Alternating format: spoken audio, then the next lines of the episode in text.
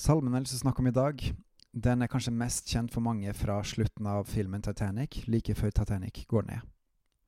Hvorfor har jeg lyst til å snakke om nærmere deg, min Gud? Jo, det får du høre hvis du følger med videre i dagens Gud i sentrum av meg, Håkon Winnem. Velkommen.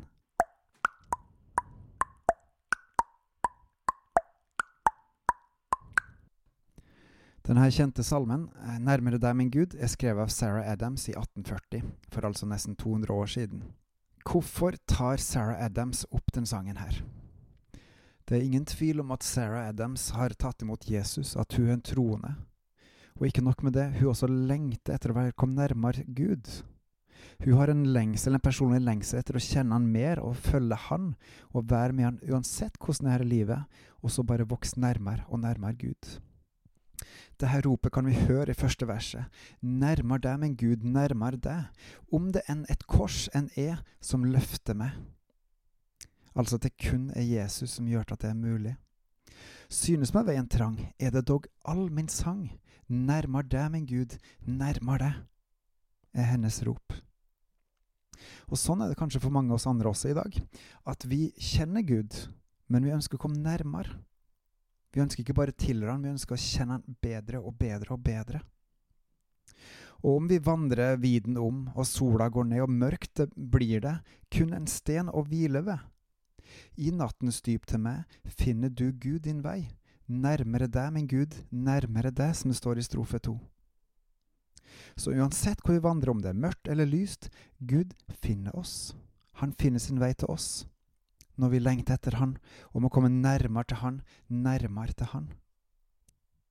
I tredje strofe sier hun, stigen er skue reist mot himmelen opp, englene ferdes der til høyest topp.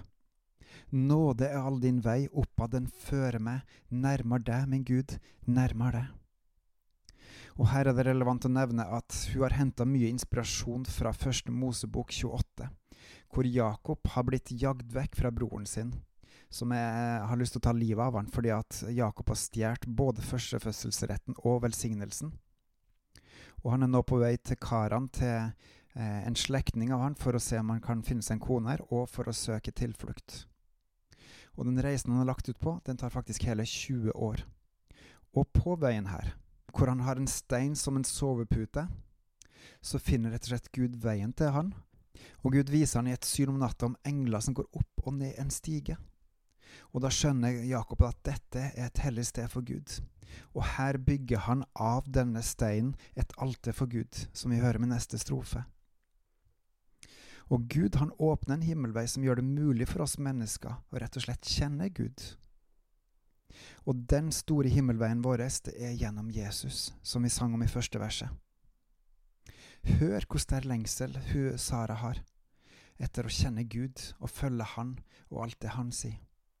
I strofe fire sier hun, derfor med våket sinn, fullt av din pris, bygge et Betel æ på Jakobs vis.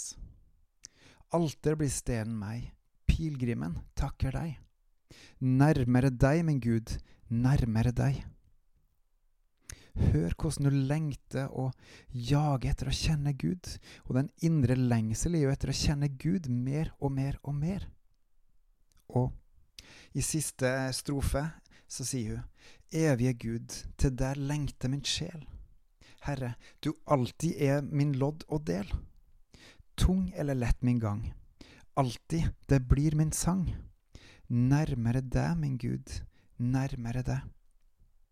Og nettopp denne lengselen som er i hun, tror jeg vi er noe som vi mange andre kjenner igjen i dag. Og grunnen til at jeg tar opp denne salmen, her er jo at denne lengselen som Sarah Adams kjenner på, den kjenner kanskje du også på.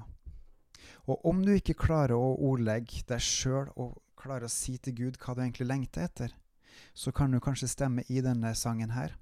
Nærmere deg, min Gud.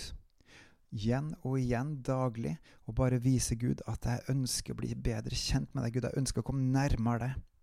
Så please, Gud, hjelp meg til å vokse med deg. Du ser mitt hjerte, du ser min sjel. Du ser at jeg vil, men ikke får det helt til. Så Gud, i din nåde, i din kjærlighet, i din styrke og kraft, hjelp meg til å komme nærmere deg, Gud, gjennom din Hellige Ånd, på grunn av alt det du har gjort for oss, Jesus.